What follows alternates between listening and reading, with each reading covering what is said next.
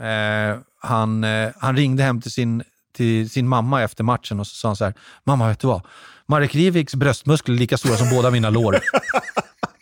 Ja, men det säger de andra gubbarna också i stort sett. Ja. Så, så, så att, och det är det man vill att han ska se. Man vill ju liksom på något sätt att, så, så att nej, Mark betyder så mycket, mycket mer också för våran grupp än liksom bara det han presterar på plan. För jag vet jag som sitt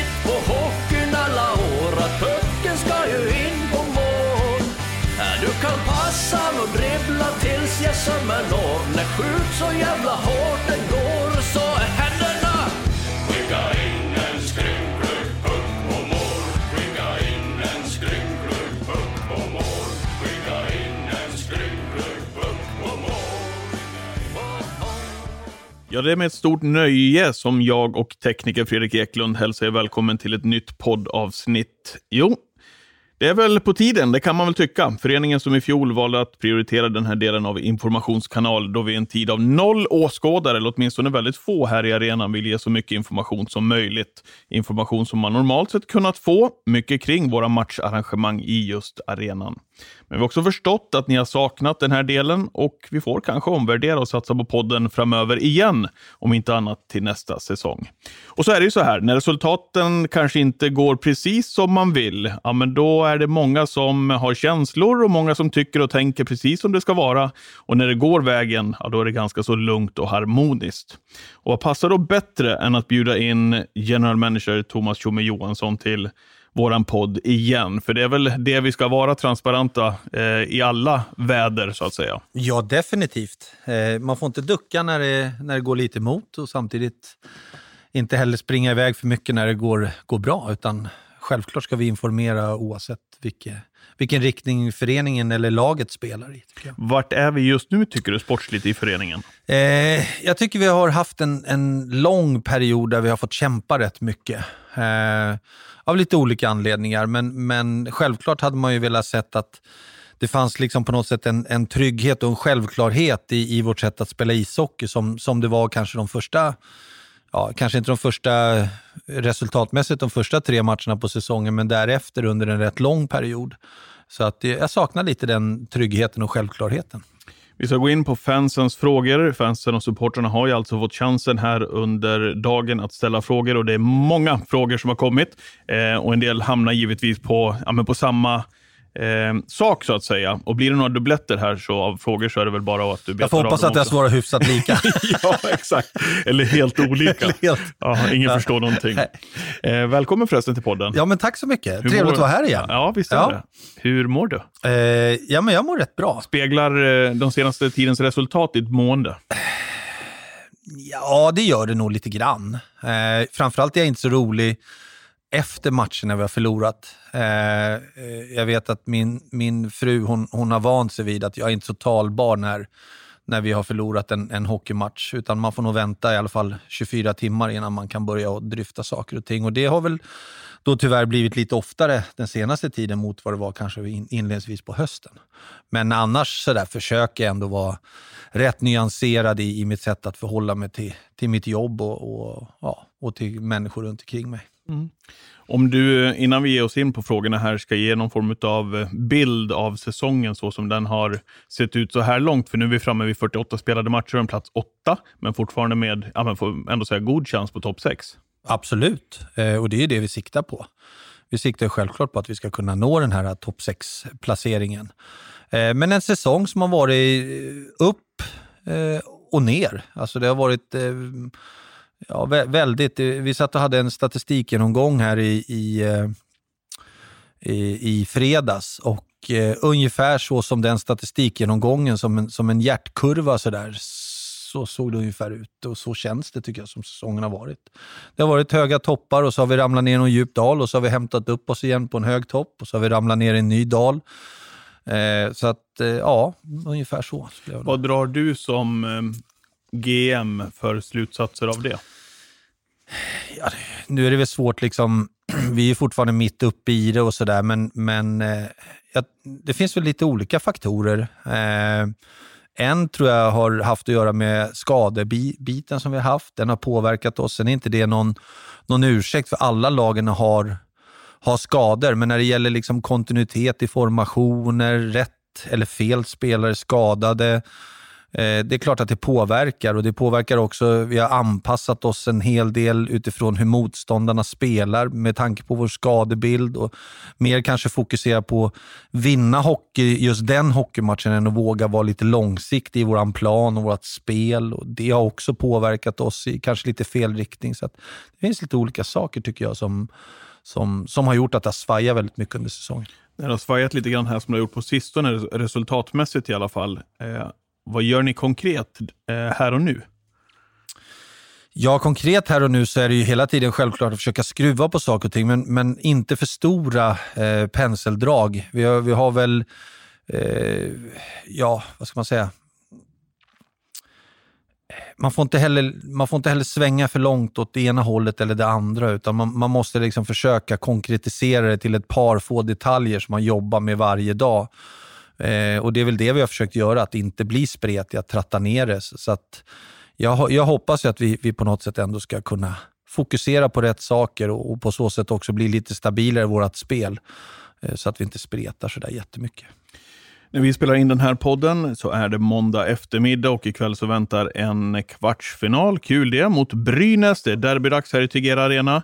Och när ni lyssnar på den här podden så har säkerligen den matchen redan spelats. Vem vet hur flink han är vid eh, teknikbordet, Fredrik Eklund, innan vi släpper ut den här. Men det är i alla fall eh, troligtvis att det är så. Kortis bara om damlaget, för den här podden kommer att handla om herrlaget eh, och Alex Bröms kommer att komma ifrån damerna så småningom i den här podden också för att ge sin syn och en summering av den här säsongen. Men roligt att vi är framme vid en kvartsfinal, att det blev det till slut. Ja, det var, känns jättebra tycker jag. Det har varit en, en kämpig säsong för, för tjejerna. Eh, en liten tunn trupp inledningsvis och också har fått brottats en hel del med, med skador och, och det under resans gång och en del avstängningar. Så att jag tycker de samlade ihop sig bra här till de här två ödesmatcherna som var mot SD. Den första som de inte lyckades vinna, men också den sista mot AIK. Eh, 1-0-segern. 1-0-segern som, som på något sätt gjorde att de också var klara för, för kvartsfinalspel. Så, att, så att jag tycker att det var otroligt starkt av dem att fixa det. Då går vi in på fansens frågor, Tjomme. Det är vitt och brett, högt och lågt och det är väl bara att du... Shoot. Kör va? Okej, vi börjar härifrån och eh, ställer frågan ifrån Anton Dalarna som skriver Hur ser Tjomme på den dåliga trenden eh, sist i SHL om man går tillbaka 30 matcher? Det är många som pratar om just den här 30 matcher, senaste 30 matcher, att vi ligger sist då. Ja, men det, det, har väl speglat lite så som det har varit. Vi har inte heller spelat bra under en längre tid.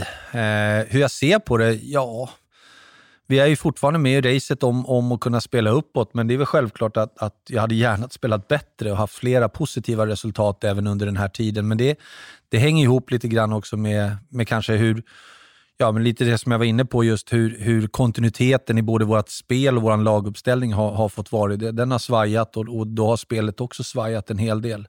Men självklart hade jag gärna haft flera vinster under de här 30 matcherna. Men som tur var är inte serien 30 matcher lång, utan serien är 52 matcher och, och vår målsättning har varit att se till att stabilisera oss i SHL och vara kvar i SHL. Eh, förra året hade vi en kanonsäsong där jag vet Andreas brukar säga när stjärnorna står rätt och det var väl lite det de gjorde. Vi fick väl en, kanske en överleverans eh, förra året. Vi, vi pratade om det senast idag eh, med tränarna, att förra året så spelade det liksom ingen roll hur dåligt vi spelade. Vi lyckades ändå vinna hockeymatcher. Och i år har det inte varit så. Eh, I år har vi fått betala liksom priset någonstans när vi har spelat dåligt och bjudit på misstag, att det har kostat oss väldigt mycket. Men vår målsättning med säsongen har självklart varit att stabilisera oss i, i SHL och, och, få vara kvar i SHL och fortsätta bygga vårt lag in i framtiden. Sen att vi har en möjlighet att slå in oss på topp 6, ja, det är väl jättekul. Därför jag började också med att ställa frågan själv, eftersom jag såg att många hade fokuserat på de 30 sista matcherna här. Vi har ju spelat 48 och fortfarande topp, eh, eller ja, chans på topp 6. Ja, eh, så att det, är väl, alltså- det är väl någonstans där man, om man ska se den nyktra bilden, kan jag tycka. Ja, och vänder vi på den och ser Djurgården har väl varit superbra de sista 15 matcherna kanske, men de är fortfarande riskerar att hamna i kval och där är inte vi och det känns väl jättebra. Fråga ifrån Mikael, eh, Support Ukraine. Ja, det är vi många som gör förresten. Hur är statusen på Mattias Rittola och Frallan? Finns de med till nästa säsong i dina tankar? Eh, Mattias har ju, hade ju kontrakt med oss den här säsongen och, och, så som det ser ut nu så finns han inte med i bygget framåt. Eh, inte Johan Fransson heller med tanke på hans allvarliga skada. Eh, men eh, eh, ja, det, det, det är inte så att jag bygger ett lag kring dem. Det gör jag absolut inte. J. Albinsson skriver, det känns Tjomme lite grann som att luften gått ur oss den senaste tiden. Trenden pekar neråt och samtidigt så kan man se spelare och ledare skratta ibland på bänken. Eh, om vi gör en platt match, till exempel Linköping borta. För mig oacceptabelt. Hur ser Tjomme på detta? Vilken kravbild har man i klubben? Ja, eh, jag vet faktiskt inte om jag lägger så stor vikt vid. Jag, jag, för, för mig så handlar det inte om att spelarna skulle vara nonchalanta bara för att man skrattar vid något tillfälle eller att det skulle vara något tecken på någon dålig inställning. Det där tycker jag bara är en löjlig ursäkt från eh, jag kan faktiskt bli jävligt irriterad på sådana här kommentarer. För, för det är, någonstans så håller vi på med och Jag såg själv situationen, jag tror att det var Mikael Roma och Justin Clue som satt inför en period på bänken och de pratade väl om någonting och, och Justin tror jag skrattade till lite grann eh, i det avseendet. Men det har absolut ingenting att göra med att de skulle skita i någonting eller dålig inställning, utan det där är bara äh, en otroligt dum fråga, eller dum grej att haka upp sig på. Vad hemskt det hade varit om det hade varit tvärtom, känner jag personligen. Om det hade varit så att det inte fanns eh, utrymme för eh, de känslorna, även om det går tungt, om du förstår vad jag menar. Ja, men det händer ju saker och ting hela tiden på isen, tror jag, som man kanske inte uppfattar som åskådare, där, där spelarna ibland skrattar till för att det är eh, slumpartade situationer, det är krockar, det är,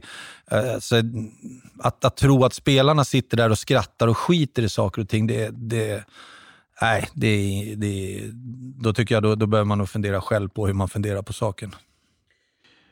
Eh, fråga från Kristoffer Hansson. Eh, ett Crip-kit. Varför blev det ingen ny back efter att Ben Thomas fick gå? Vad är anledningen till att vi har valt att gå så hårt på en målvakt de två senaste säsongerna? Det var två frågor igen där. Ja, anledningen till att det inte blev någon, någon back efter att Ben, det var att vi gjorde den bedömningen av, med den backsidan vi hade, att vi kände oss nöjda med det och det fanns inte det ute på marknaden som vi kände att vi ville ha, eh, tycker jag. Eh, att vi har gått rätt hårt på en, en målvakt, ja det har ju blivit ett, på något sätt ett naturligt val i, i, i tränarnas sätt att, att matcha in. Eh, förra året var det Janne som stod väldigt många matcher och i år är det Kashemir. Och det där är ju någon känsla liksom som, som tränarna har. Det är de som tar ut laget, det är de som ska känna sig trygga med det laget de sätter på isen och, och det laget de tror kan vinna nästa hockeymatch. Och, ja, om de tror att det är Kashmir som till stor del kan göra det, då, då tar de det beslutet. El Torres Invest skriver, varför har man gått ifrån sin spelidé som man var så framgångsrik med förra säsongen och i början av denna? Ja, men det, det där tycker jag är lite intressant, för det, det har, hängde lite ihop med att vi fick en del skador och så började vi anpassa oss en del efter motståndarna. För att när man, när man får, får liksom en laguppställning som man känner börjar bli lite ihålig och börjar bli lite tunn, då bör man titta mer på taktiska detaljer, hur man ska kunna vinna en hockeymatch. Och Då ändrar man tyvärr lite sin... Man gör den bedömningen att vi kommer inte klara av att kunna spela vår typ av ishockey. Vi kanske inte orkar, vi har inte tillräckligt med man eller med kroppar för att göra det. Vi kanske inte heller besitter den rätta kunskapen på, på alla, så att man, man börjar liksom att tumma lite på sådana saker för att vinsten blir så mycket, mycket mer viktig än det långsiktiga. Och i det tycker jag att där har vi nog tappat lite grann. Vi har haft svårt sen att hitta tillbaks. Eh, för det var under en rätt lång period som vi höll på med det här. Och så har vi blivit lite spretiga i vårt spel, eh, med pucken framför allt nerifrån som då har, har förorsakat att vi har gjort lite avsteg ifrån vår spelidé. Men självklart så vet vi att när vi spelar utifrån vår spelidé och, och vi klarar av att göra det, då, då är vi riktigt bra och det är det vi försöker hitta tillbaka till. Leif Rino är väl inne på samma sak ungefär, som skriver “Jag upplever det som att man gått eh, ifrån sitt spel, sin identitet i den andra delen av säsongen. Insticken i mitten för snabba uppspel lyser med sin frånvaro. De kontrollerade ingångarna eh, lika så som man pratade om. Nu är det mer upp till röd och dumpa och åk. Vad tror du detta beror på? Vad är lösningen?”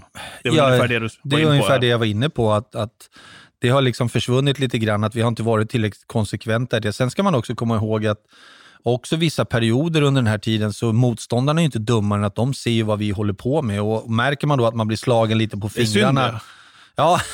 Nej, men märker man då att man blir lite slagen på fingrarna i de här fallen och man, man sullar lite med pucken och det kostar lite mer i andra änden, då vill man göra lite förändringar i det där. Men självklart så, så är det en ambition som vi har att, att vi ska försöka komma samlat och snabbt ur egen zon för att kunna också spela oss in i offensiv zon. Nu har det blivit lite mycket att vi skickar ut spelare, vi skickar på en ensam spelare på bortre blå som styr ner pucken och så ska vi börja jaga och det är inte vårt spel. Så att jag kan hålla med om att vi har, vi har frångått det, men det finns lite olika förklaringar till varför vi har gjort det också. Se om jag uttalar det här eh, rätt. Jag kan nöja oss med att det är ett Lurken66 som skriver hur ser han på utvecklingen av eh, KHL? Det kommer bli många eh, bra spelare lediga, men vi sitter med nästan till fullspikad trupp medan de andra lagen under oss i tabellen kan fylla på med kvalitetsspelare. Ja, det får väl vi också göra förändringar på en trupp. Det är inte svårare än så. Nej. Det är bara för att vi sitter med, med en trupp som utåt sett kanske uppfattas som full så innebär ju inte det att man inte kan göra förändringar om man tycker att det är nödvändigt. Nu har ju KL blivit en spelare på liksom sista månaden egentligen som det har flaggats upp att oj då, här kan det hända saker. Och det är väl självklart att vi är inte rädda för att i det avseendet också anpassa våran trupp utifrån det. Så att för mig är det inte hugget i sten att de som sitter på kontrakt i Leksands IF idag är kvar i Leksands IF när säsongen drar igång i augusti igen. Lars Sold vill Leksand till slutspel? Och eh, hur ser planen ut för att vända steken? Uppenbart att laget störts av Riviks intåg. Hur lösa det? Har Hellkvist glöden eller förhandlar han med annan klubb? Oj. Ska vi börja med vill Leksand till slutspel? Det nej, svar nej jag, vill, jag vill inte nej. det. Eh, det. det. är väl självklart att vår ambition är slutspel. Är det. det vi, har, vi har ingen annan ambition. Eh, är också om att vi ska stabilisera oss, men i det så ligger ju självklart att vi vill ta oss till ett slutspel. Uppenbart att Rivik stört lagets, eh, eller att Riviks intåg stört laget, skriver, skriver Lars. Ja, han får gärna mejla mig vad han grundar det på, för det tycker inte jag. Har Hellkvist glöden? Skriver ja, Lars. ja, och han förhandlar inte med någon ny klubb. gör han inte heller. Eh, ja, det är klart att det är också en intressant aspekt det. Fredrik eh, Hallberg försvann ju bort där med, med, sin sjukdom och det är klart att det blir en annan arbetsbörda på tränarna. Eh, eh vi, och vi har valt att i det läget kanske då inte plocka in en tredje tränare heller utifrån att, att tränarstaben kände sig trygga och bekväma med den situationen som uppkom och kände att Nej, men det här vill vi lösa själva. Eh, och därför har vi då inte heller valt att gå på någon tredje tränare, för det är ändå en ny person som kanske ska in i gruppen, en ny person som de ska få förtroende för och det är precis som att, ibland när man sätter in nya spelare in i, i en trupp också, att det tar ett litet tag att gnida ihop det där. Så att, eh, men självklart så blir arbetsbelastningen högre på, på våra två tränare istället för att de är tre. Nu tog du svaret där och det var väl bra, för det var den frågan kanske som har kommit mest frekvent under, under dagen här, eh, när Fredrik Hallberg då inte eh, kunde vara kvar. Eh, varför du inte valde att ta in en backcoach och att man tycker att försvaret har blivit sämre sedan Fredrik försvann. Om du så, ser du något samband med det? Det är väl ungefär en övergripande fråga tror jag att man ja, kan säga från många här. Jag, nej, jag, jag vet inte, jag, jag, tycker inte att jag ser något samband med att det skulle vara någon, någon sån större skillnad. Jag tycker att eh, vårt försvar är, är, inte det som är problemet, utan vårt problem har legat mer i hur vi spelar pucken. Och Fredrik Hallbergs uppgift var inte spelet med puck, utan det var mera eh, att, att se till att vi var i rätt positioner utan puck.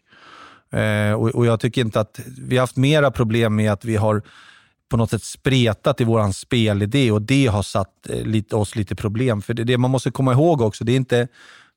Ibland så tror jag man rätt lätt gör för sig när man säger så här att släpper vi in mål så är det målvakten och backarnas fel. Eh, och spelar vi dåligt försvarsspel så är det bara backarnas fel egentligen. Men försvarsspel börjar oftast högre upp i banan. Det innebär att forwards måste göra rätt upp i anfallszon. Hemgångarna måste vara rätt för att backarna ska kunna agera eh, i egen zon och, och, utifrån det då kunna spela ett bra och tajt försvarsspel. Och där då, med tanke på att vi har ändrat lite vårt sätt att spela med pucken, där vi har spridit ut oss över banan, ja det är klart att då får vi ett spretigare lag även i hemgången. Eh, och Det har straffat oss lite grann och det försöker vi komma till, till bukt med och komma till, till rätta med för att vara mer samlade, både i offensivt med spelet med puck, men också i defensiven med hemgångar. Vi hade ju några matcher här vi förlorade. Det var ju, vi tappade ju Frölunda hemma. Eh, vi tappade Rögle borta. Vi tappade Luleå hemma och de liksom matcherna tappade vi under matchens sista tre, fyra minuter. Eh, vi hade likväl kunnat stått med nio poäng på de matcherna eh, och, och, haft ett bättre utgångsläge, men efter det sen så tajtade vi till varandra defensivt. Så tror jag vi vinner mot Brynäs med 1-0 hemma tror jag. En rätt sömnig match, men, men vi spelade en bra defensiv som gjorde att vi vann. Och vi, sen släppte ju inte på den här bortaresan så släppte vi ju, vad gjorde vi? Vi, vi förlorade 3-0 i, i, eh, i, eh, borta i Göteborg och 4-0 i, i Linköping, men sen vann vi så jag tycker att vi ändå liksom på något sätt kom lite till bukt med vår defensiv under ett antal matcher där. Mm. Så att, ja, det var ett långt svar på, Men det gör på frågan. Det tror jag de bara är glada över, de sitter och lyssnar på i alla fall. Hockeyliv skriver, tredje målvakt. Finns det någon sån registrerad, Tjomme? Ja. Är det hemligt? Ja. ja. Och det finns ju sina skäl till naturligtvis. Ja. Eller, ja. Eh, för en del lägger ut dem också, en del klubbar. Eh, eller ja. vad? Eh, man, kan, man kan välja hur man vill göra där. Eh, för oss så har vi ingen, vi har ingen anledning att, att lägga en öppen laguppställning med, med vår tredje målvakt som är reggad, men vi har en reggad tredje målvakt. Mm. Eh, hur tycker du, Tjomme, eh, ifrån ditt perspektiv, skriver Leksingen 04 att Rivik har kommit in i gruppen? Mark har kommit in jättebra i gruppen. Alla känner Mark i stort sett. Det, det som vi har liksom letat lite grann efter, med, det är inte att det är något problem. Mark har, har spelat jättebra. Eh, han hade nog förtjänat att få göra ett par mål också under den här tiden. Jag tycker han har haft chanser till det.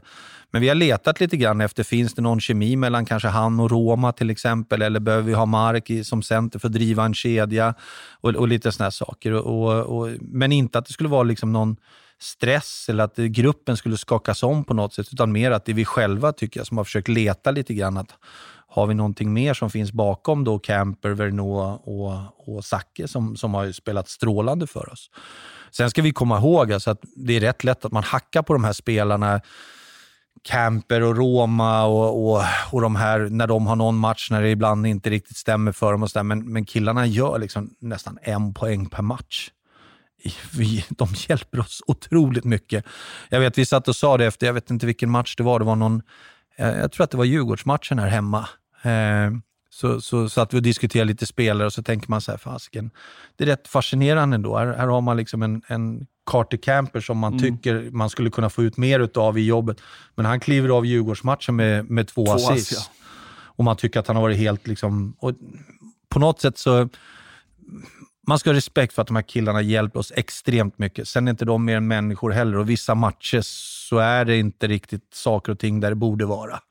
Men, men grabbarna har liksom gjort i fasken en poäng i snitt per match. Så mm. Ge dem en chans. Gokart-arenan Dalarna har några frågor här. Han skriver, hur mycket detaljer jobbas du med? Till exempel tekningar. Måste ju vara en väldigt viktig del och det är många som är inne på tekningsbiten. Att våran ja, vi är usla där. Ja. ja. Och jag kan inte svara på varför. Jag vet att Challe har jobbat stenhårt med tekningar.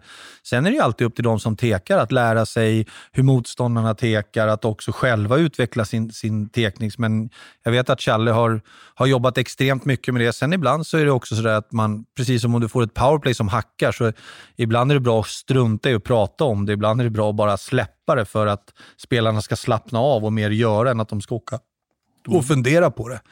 Men det är självklart att, att det är inte så att vi sitter och blundar för att vi nere i Linköping hade 1-10 tekningar de första liksom, 15 minuterna. Det var ju katastrof. Liksom. Hur mår du då där hemma i tv-soffan? Ja, men det, Går pulsen det, upp då? Ja, alltså, jag får ju lite mail ibland om, om saker och ting. Och jag kan ju säga, jag är precis lika förbannad som den som sätter sig bakom tangenten och skickar ett mail till mig där de är förbannade. Bara det att jag försöker, och det vet ju du Skoglund, jag försöker ju ibland hålla mig jäkligt lugn. För jag, jag, vet också att det är, ingen, det är liksom inte bra om jag springer omkring i laget och i gruppen att jag är förbannad och arg och irriterad. För det känner spelare och det känner mina ledare. Och så, jag måste försöka hålla liksom, eh, jäkligt cool även om det brinner inombords. Mm. Ljung Flink skriver, hur jobbar vi med att få igång spetsspelarna? Eh, det har varit tydligt frustrerande över att det inte klickar tidigare, vilket syns tydligt i kroppsspråk hos både 27 och 25, eh, Rivik och Kemper då såklart. Håller man individuella samtal etc? Vi håller alltid individuella samtal med våra spelare. Eh, sen återigen så, så tycker jag också att man, man, bara för att det inte klickar under en eller två matcher och förlusterna kommer, så, så behöver man se det i ett lite större perspektiv in i det där. Kan vi stanna lite där, eh, du och jag, och prata lite grann om Marek Rivik till exempel, mm. eh, som ju kommer hit med jätteförväntningar på sig efter en sån här Ja. säsong i fjol. Vad är rimligt att ha för förväntningar på en sån kille när han kommer in de här första matcherna eh, efter att ha spelat i OS och spelat i Ryssland i en, i en säsong i stort sett? Ja, alltså jättesvårt att säga. Jag kan vad- känna vad- liksom vad- också att... Ja, men det, det, vi, vi har ju liksom på något sätt skjutsat upp honom som att han kommer vara den, den liksom, eh, guden för oss. Och, och Mark lämnade ju och, och på något sätt fjolårssäsongen med ett otroligt avtryck i Leksands IF. Och det är också det är ju samma sak där, att med tanke på vår historik, så när vi får en sån säsong så blir de flesta spelarna helgonförklarade och Mark i synnerhet in i det där. Men, men Mark spelat i KL, spelet i SHL är annorlunda. Han har haft en tuff säsong, det har varit mycket matcher, mycket resande.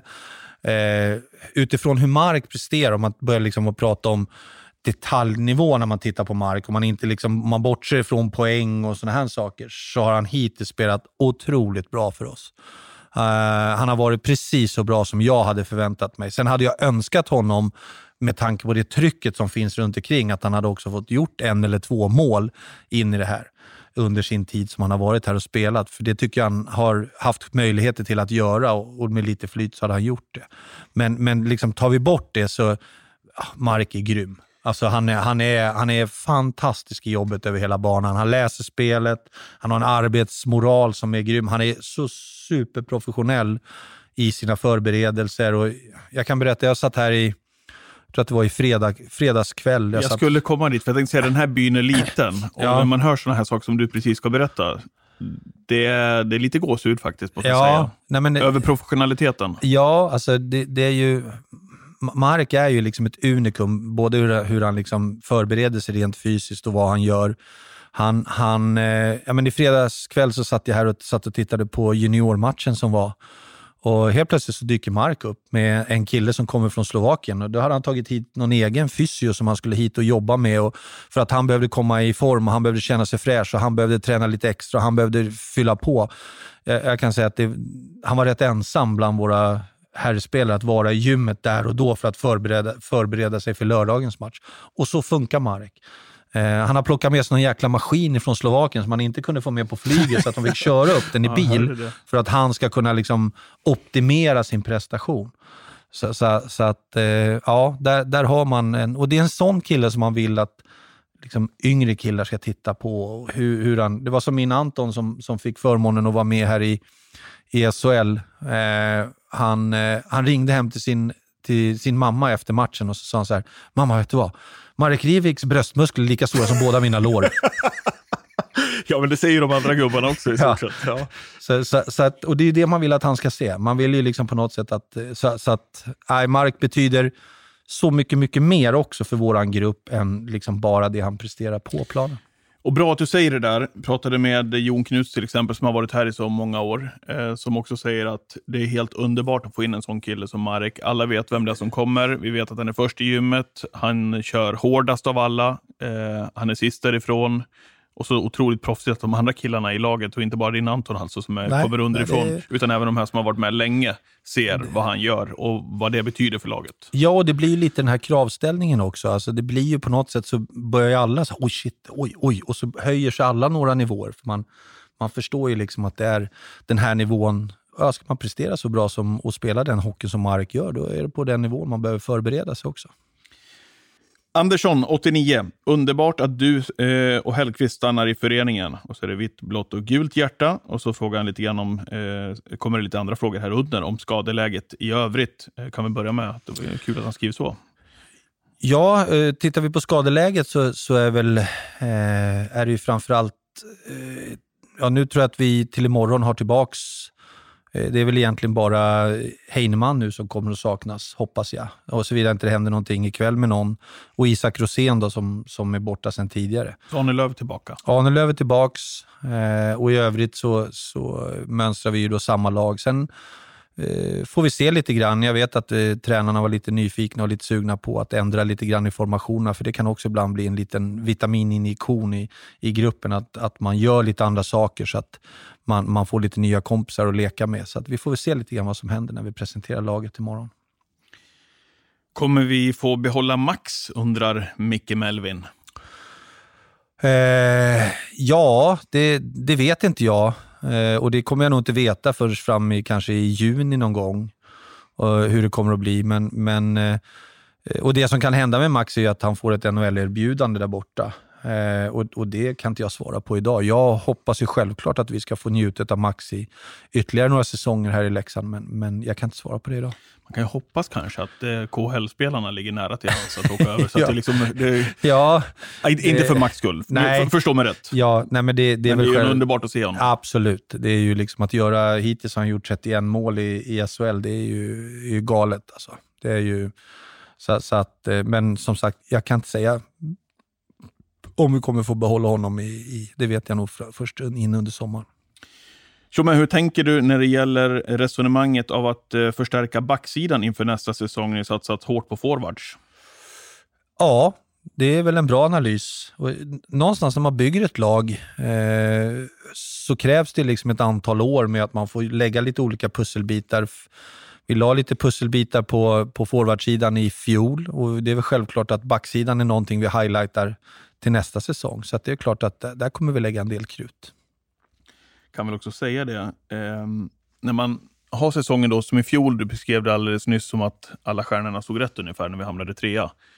Känner du liksom att förväntningarna blir orimliga att man, man tittar på en sån säsong som man kanske överpresterar snarare då jämfört med ja, när man kommer ut i den här säsongen? Att det är där förväntningarna ja, ligger? Alltså, Eller vad känner du? Nej, jag, För vi har ju gått jag... ut från föreningen och sagt att eh, säsongen 25 Ja. Eh, eh, är där vi verkligen ska känna oss. Ska känna oss som organisation, alltså också kunna vara redo för att utmana om ett SM-guld. Det har ju varit lite... Nej men jag, jag tycker så här, med idrott och elitidrott så kommer också förväntningar. Det är klart att du mäts i den prestationen du har gjort. Att där lägger man ju liksom sin ribba. Sen, sen behöver man ibland kanske nyansera det och, och, och liksom också och nypa sig lite i armen och tänka sig, okej, okay, men var, var befinner vi oss? Var befann vi oss för fem år sedan? Och, och hur ser det ut? Men, men att ha förväntningar på sig, absolut. Jag, jag vill ju vinna varenda match. Jag har ingen lust att åka runt och förlora, men det är ju en orimlig förväntan att vi, att vi ska kunna klara av att göra det. Så att, eh, men jag tror också att man behöver man behöver vara extremt ödmjuk, för, för varje säsong lever sitt liv. Det händer saker och ting i grupper. Andra lag värvar spelare som lyckas och de blir, blir bättre. Vi har försökt värva spelare som ska lyckas hos oss. Sen kommer skadebilden in och, och, och som påverkar. Det blir hack i skivan, det händer saker under en säsong som kanske gör att ja, men man, man får inte det här riktiga lyftet och man får inte de här extra tio poängen som det kanske kommer skilja för att ta en fjärde plats eller en tredje plats och, och sådär. Så att man ska också vara ödmjuk för att varje säsong lever lever sitt liv hela tiden. Mm. Tjomme, hur resonerar du med en ny målvakt? undrar Hanna Lexing Andersson och Jeanette Ståhl fyller på och skriver Armalis, är han på gång? ja, eh, just nu så kommenterar vi inte så mycket namn som florerar ut i, i tidningarna, men det är väl självklart att vi, vi är väl inte dummare än att vi också highlightar och kanske inte heller ser att det är en rimlig situation att, att ha målvakter som står liksom 50 omgångar varje säsong efter säsong, utan precis som med utespelarna, ska man också få utveckling på målvakter så behöver de träna eh, kontinuerligt och spelar du mycket matcher så kanske du inte hinner träna och sådana saker. Men målvaktssidan är också någonting som, som vi highlightar, precis som backsidan. Stefan Timmerholm skriver, vilka svenska juniorspelare kan det vara värt att hålla extra koll på? Vilka tror du kommer utvecklas till stor, storspelare och varför? Och tack för allt du har gjort för Leksand, Tjomme. Från att ständigt varit orolig över kvalserien till att nu inte ens vara orolig över det och kanske till och med eh, komma topp 6 känns helt fantastiskt. Ja, tack, tack för det. Eh, det är väl härligt att vi på något sätt eh, kan bygga förhoppningsvis in en trygghet i Leksands IF. Det är ju lite det vi har strävat efter. Och det är det som ger oss också möjligheter att, att utveckla föreningen framåt, både på den ena, eh, på, på ena sidan sargkanten men även på den andra sidan. Så, så, att vi hoppas att vi ska kunna fortsätta göra det jobbet. Eh, juniorspelare som, som kommer, jag vet inte om man tänker på Leksandsspelare eller generellt i Sverige. En, en, spelare som jag är väldigt förtjust i, som jag följde också rätt tidigt, det var han eh, Jonathan Lekkerimäki i, i eh, Djurgården. En eh, kille som är född 04, som jag tycker har otroligt mycket bra saker. Eh, det tror jag är en, en blivande storspelare framåt i, i, i Nordamerika för, för, för Sveriges räkning. Så honom tycker jag man ska ha lite extra öga på. Mm. Mats Wallinder skriver, dina söner är verkligen lovande. Kanske är läge att säkra han som har gjort det så bra i finska ligan. Han vill säkert bli mas. ja, det är, det, det, är väl självklart att, att, att eh, mitt hockeybidrag till, till, eller mitt bidrag har varit tre grabbar som spelar ishockey. Men, men en, hel, det, det är alltid, en hel kedja. Ja, men sen är det inte alltså jag, jag, vet ju också, det är inte alltid så jäkla enkelt att ha sina egna barn i, i verksamheten. Det, det, det blir lite pro problematiskt också i, i det avseendet med bra prestationer, med mindre bra prestationer. Jag, mina barn, alla mina tre grabbar, har alltid levt under att de alltid får saker och ting för att jag är deras pappa och det är väldigt sällan deras egen framgång som ger dem möjligheter eller gör, sätter dem i de positionerna. Och så har det varit ända sedan mina killar började spela ishockey. Så att vi är rätt vana vid att leva med, med den stämpeln på oss. Att så fort de får någon framgång så är det inte tack vare att de själva är bra, utan det är min förtjänst. Eh, men däremot samtidigt ska man inte heller liksom föda sådana saker om man inte behöver. Simon har sin resa och sin egen karriär, precis som Anton kommer ha sin resa och sin egna karriär. Men Simon ska få göra sin grej fullt ut och sen om våra vägar möts in i framtiden, det, det vet jag inte, men, men jag tror inte att de kommer mötas här i Leksand i alla fall. Mm. Du kanske inte vill kommentera spelare, men det struntar jag i för jag läser frågorna rakt upp och ner här. Jag gör det. Ja. har du, Dan Håll på skriver, har du koll på Viktor Rodin, August Bergqvist, Lukas Wernblom? Kan det vara unga killar för framtiden? Vi har koll på alla sådana här spelare, eh, det har vi. Eh, sen om de kommer att spela i Leksand eller inte in i framtiden, det, det, vet jag inte. Men vi håller självklart koll på, på alla före detta killar som har varit i Leksand och även unga killar som, som utvecklas åt, åt rätt håll. Det gör vi definitivt. Mm. Fredrik Olofsson, vad tycker du? Två frågor. Ett, vad tycker du om Leksands säsong hittills? Den har väl egentligen svarat på. Eh, två, hur är känslan inför nästa säsong? Känns som att det är stenhårt i SHL och vi har en liten nedåtgående trend i nuläget. Ja, eh, jag tycker väl säsongen har varit svajig, det sa jag förut. Eh, hade vi självklart hoppats att vi hade vunnit några matcher till. Eh, Står vi här nu efter, ja, vad hade vi spelat, 48 omgångar. Eh, hade vi haft 7-8 poäng till hade jag varit jättenöjd. Det innebär att vi skulle behövt haft kanske tre, tre segrar till utav alla. Eh, då hade jag väl känt mig väldigt nöjd med säsongen. Nu gör jag inte riktigt det. Jag tycker att vi hade kunnat haft det, men vi har inte riktigt lyckats. Eh, framtiden, eh, ja som sagt, nästa säsong lever sitt liv. Eh, och, och Eh, man ska inte dra för stora växlar av att det kanske har varit lite svajigt den här säsongen. Utan nästa säsong ska vi göra allt vi kan för att ha ett så bra lag som möjligt på pappret. Och vi ska jobba så stenhårt för att fortsätta den här resan som vi har börjat på. Så att jag, jag, den här säsongen behöver inte påverka nästa säsong överhuvudtaget. Marcus Henriksson inne på nästa säsong. Vilken sorts spelartyp kommer att försöka värva in till nästa säsong? Vart ligger prio? Ja, prio ligger väl framförallt kanske på backsidan. Det är väl där. Och, och då är det inte prio att värva in liksom, i botten fyra utav vår lineup, utan det är i sådana fall att vi värvar in ifrån toppen fyra för att göra vår backsida bättre. Daniel Dampe Lundin, hur ser du på P.O. Eindahls uttalande i media om till exempel Riviks kontrakt? Bra, dåligt eller bryr du dig inte?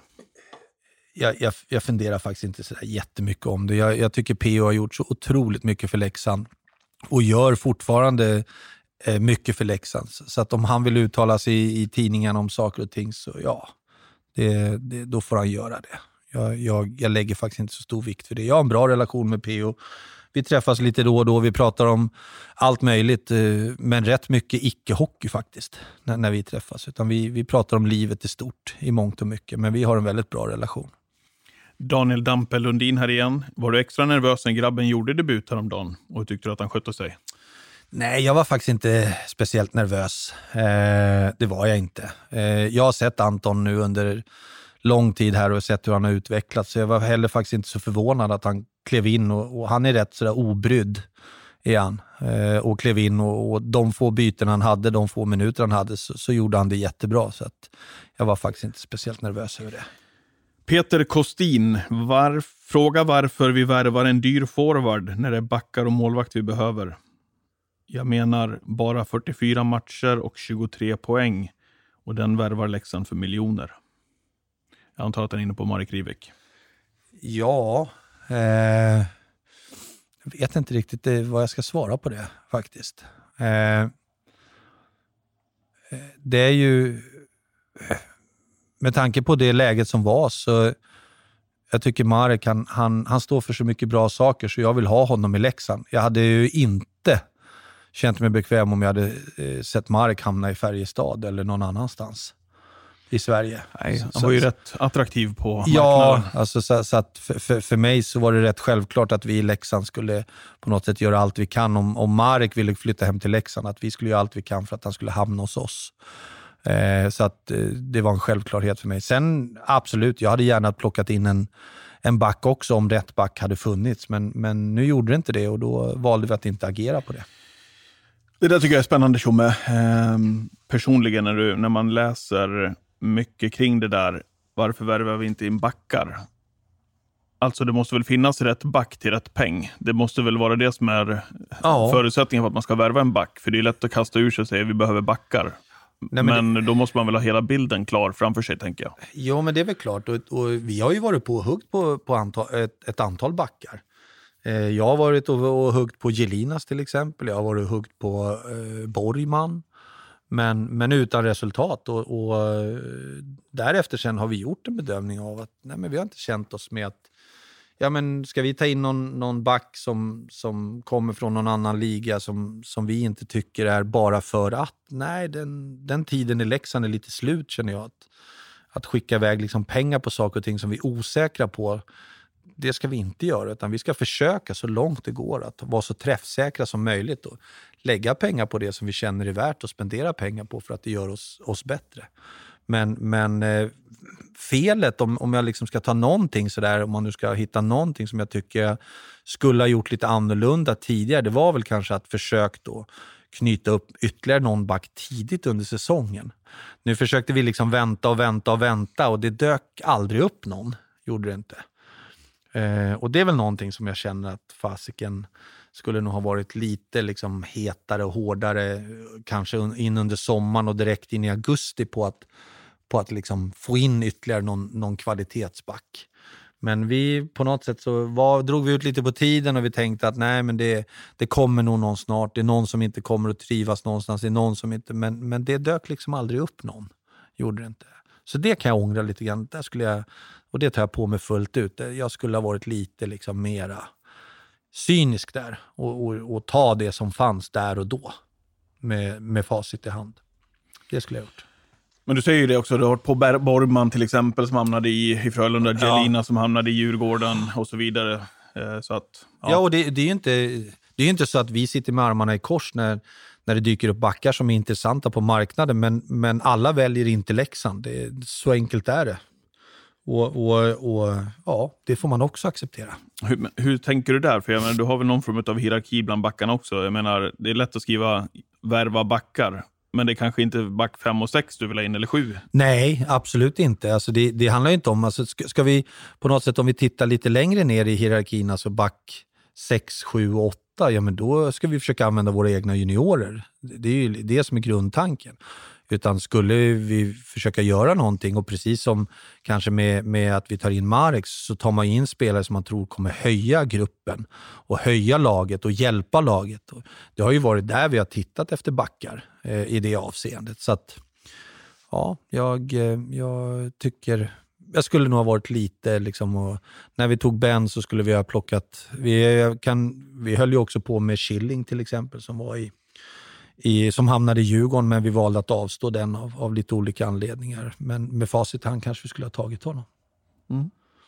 Eh, match imorgon hemma mot Skellefteå. Dubbelmöte väntar. Skellefteå hemma Mm. imorgon och Skellefteå borta torsdag. Och så vänder vi hem för Oskarshamn på lördag. Då är det för övrigt familjedag också, så då kan man passa på att köpa biljetter. Det är gott bokat, 5 500 eh, någonstans där, tror jag. Eh, ja, så var det. Eh, så då kan man gå in och boka där och sen avslutar vi i, i Brynäs. Vad har du för tankar nu då inför ja, men framförallt dubbelmöte mot Skellefteå här närmast? Jag tycker ändå att vi har spelat bra mot, eh, mot topplagen. Jag tycker vi, hade, vi spelade bra mot Luleå även om vi förlorade. Vi spelade bra mot Rögle borta. Vi spelade bra i eh, eh matchen hemma också mot Frölunda. Eh, jag hoppas att eh, Skellefteå är ett topplag. Jag hoppas att vi också kan, kan fortsätta då spela bra mot de lagen. Men jag hoppas ju självklart då att vi ska också hitta lite tillbaka till vårt spel och, och, och, att vi också då kan, kan vinna eh, några hockeymatcher till här på, innan serien är över och sen komma ja, med, med ändå ett hyfsat bra självförtroende in i ett slutspel. Eh, Tror ju inte riktigt, jag vet ju förra året vi vann 13 av 14 sista, 4-0 i torsk mot Örebro. Så vi kanske ska prova andra varianten i år. Att inte, kanske kanske går, går, går bättre i sånt fall. Eh, vi ska avsluta också med eh, många som har skrivit här om Zacke också, som jag är otroligt imponerad av, vår lagkapten och hans mm. säsong som han har gjort. Vill du eh, kommentera det också och fylla i våra supportrar, vad de känner och tycker där? Ja, men jag kan ju bara instämma. Den vikten som Zacke har varit i, både på isen och det tycker jag man märkte när han har varit borta och när han har varit skadad också, att det har, han har saknats, har han gjort enormt mycket. Men också den Zacke som, som på något sätt är ledaren för laget och ledaren för gruppet och på det sättet han bryr sig om spelarna i laget och är den här lagkaptenen fullt ut. Och, och hans relation med Björn och tränarna tycker jag är... Nej, jag, jag, jag tycker Zacke är, är, är, det en underbar människa och det är en eh, lika underbar hockeyspelare. Mm. Ja, verkligen. Jaha, det var väl i stort sett i mål då. Det var ju en hel del frågor här som vi inte har läst upp. Hoppas ni har förståelse för det där ute, ni som har skrivit de här frå frågorna. Men det är många som tenderar då att hamna i samma eh, frågor som vi redan har ställt, i samma ämnen så att säga. Så att eh, vi nöjer oss där så länge. Jaha, hur gick det här då? Ja, det var en fråga jag blev förbannad på. Ja, det var väl... Eh... Det var när jag sitta och skratta i båset, den vart jag riktigt irriterad på. Men i övrigt tycker jag jag höll mig rätt lugn. ja. ja, du brukar, du brukar göra det faktiskt. Eh, nej, men det är väl härligt också att vi kan, eh, och vi ska svara på frågor även Absolut. när inte resultaten tickar vår väg. ja, definitivt. Och, och jag tror ibland att det är bra, för självklart så sitter man där och inte får informationen så tror man ju också att, att det inte händer någonting eller att man inte gör något fast det inte alltid ser så bra ut. Och då är det ju än viktigare att vi också berättar att eh, det här gör vi och då, det är det här vi har försökt med och, och där, därför också ja, hoppas att det finns en större förståelse för att, att det händer saker och ting bakom kulisserna ibland som, som man inte alltid berättar utåt. Bara en fråga av alla de där, det är ju ändå ja, det är, det är gott betyg. ja, med, med tanke på att vi, eh, säsongen kanske inte har varit så som vi hade hoppats. Jag vet inte. Hur eh, tillbringar du måndagskvällen? Vi har ju kvartsfinal här hemma. Det är en SHL-match också. Har du ja. koll på den eller hur brukar du Ja, brukar jag du brukar ha koll på den. Eh, det är Timrå-Luleå idag. Mm. Eh, men jag kommer självklart titta på damerna. Jag ska åka iväg och köpa lite middag ja, till till arenan och bänka mig och sätta mig och käka lite och kolla på Fint. matchen. Ja, det är otroligt trevligt. Ja, jag håller med dig. Mm. Stort tack Tjomme Tack själv. för den här pratstunden. Tack alla ni som har um, skickat in frågor till oss. Tack alla fans där ute som engagerar och följer Leksands IF. Ni vet ju hur mycket vi älskar det. Och som sagt, välkommen också till Tegera Arena. Om inte annat um, imorgon när det är dags för Skellefteå på besök så har vi alltså familjedagen uh, på lördag mot Oskarshamn. Då blir det härlig stämning igen. Så hjälper vi laget till topp 6 på här sidan. Vi tackar för nu och eh, önskar er en fortsatt trevlig vecka. Hej hej! Jag var på hallen match mot Mora IK fullt på Norra Stå. Men jag satt i baren för jag, jag klarade inte av, jag var för feg för att titta på. När plötsligt jag hörde en gammal skröplukar som mumlar något på Leksands mål. Men att de aldrig skjuter. Sen så gick han ut och tog sig ner till vårt spelarbås. Där sa han skicka in en skrynklig puck på mål. Skicka in en skrynklig puck på mål. Skicka in en skrynklig puck på mål. Wow. För jag vet jag som sitt på hockeyn alla år att pucken ska ju in på mål. Du kan passa och. När skjut så jävla hårt det går